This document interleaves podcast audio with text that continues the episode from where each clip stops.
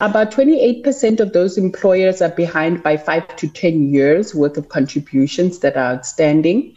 Um, another 28% is outstanding by 12 to 60 months. So that will give us about um, another three years or so where people are outstanding.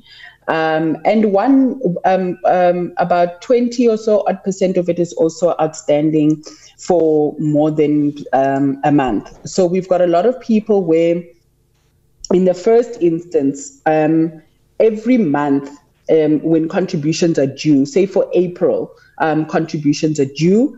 Uh, it should be paid in by the 7th of the next month. You know, like any account that you have that you have to pay, you've got a cut-off date. In terms of Section 13A of the Pension Funds Act, that cut-off date is the 7th of the next month. So, if we're talking about, um, and the cut-off date that we used to ask retirement funds to tell us who had contravened uh, Section 13A of the Act, so meaning who had not contributed by the 7th of May. We used the 30th of April. 28% of our employers that are on that list um, had not contributed by the 7th of May. And um, the another 24% was already owing for more than a year, where they had not contributed, as at the 30th of April, had not made contributions for more than a year into that fund. And that is, of course, extremely worrying for um, the employees whose contributions are taken routinely.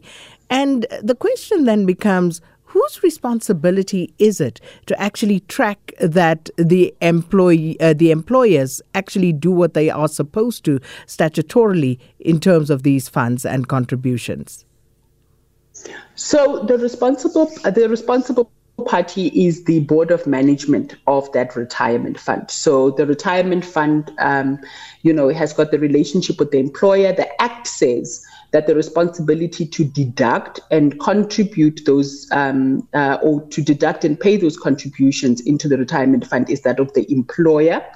But where contributions are not made into the fund, then the Board of Management is responsible for ensuring that contributions are timelessly paid.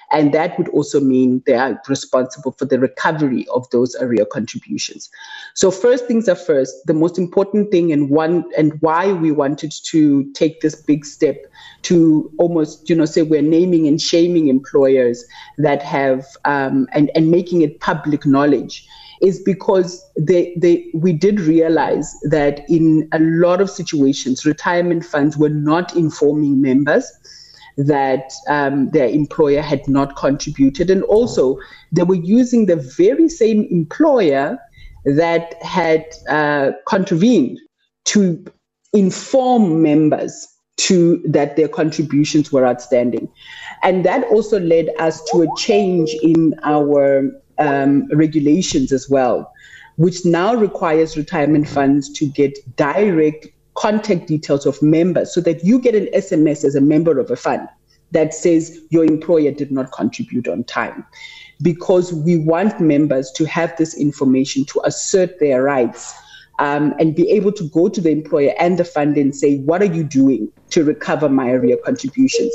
Because I could still get a pay slip that reflects that a deduction is going to my retirement fund, right, from my employer. But um, only to find out that in actual fact, the money itself was not going to the retirement fund. So we wanted to make it public and be transparent, and we will do this on a quarterly basis to make sure that members have got the information that they need to be able to assert their rights um, in terms of the rules of the fund and in terms of the laws that they have to be able to enforce um, any regulatory intervention or any intervention on their side as well. Ms. Lukaimane, and I suppose one welcomes that uh, because at least the members would have the information.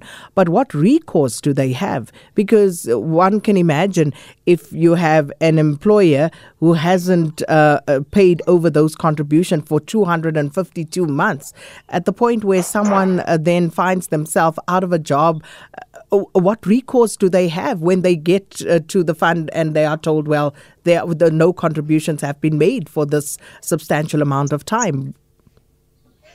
and and we're all stake the stakeholders in in this environment or for this particular section would be employers, the retirement fund, ourselves as the FSCA, but we've got a very important leg which is the criminal prosecution as well. The Act makes it a statutory contravention, um, and it is a criminal offence for you to deduct monies that were due to the retirement fund and not to pay it over. And so for a member, you can then say, I'm going to go open a case of theft or fraud for the fact that you deducted monies that were meant for something else and you you did not actually do that in order to make sure that even if as a company the person says well i'm not operating anymore we amended the act to make sure that we can hold those people, the directors or the people that are ordinarily uh, involved in the financial affairs of the company, personally liable for those contributions.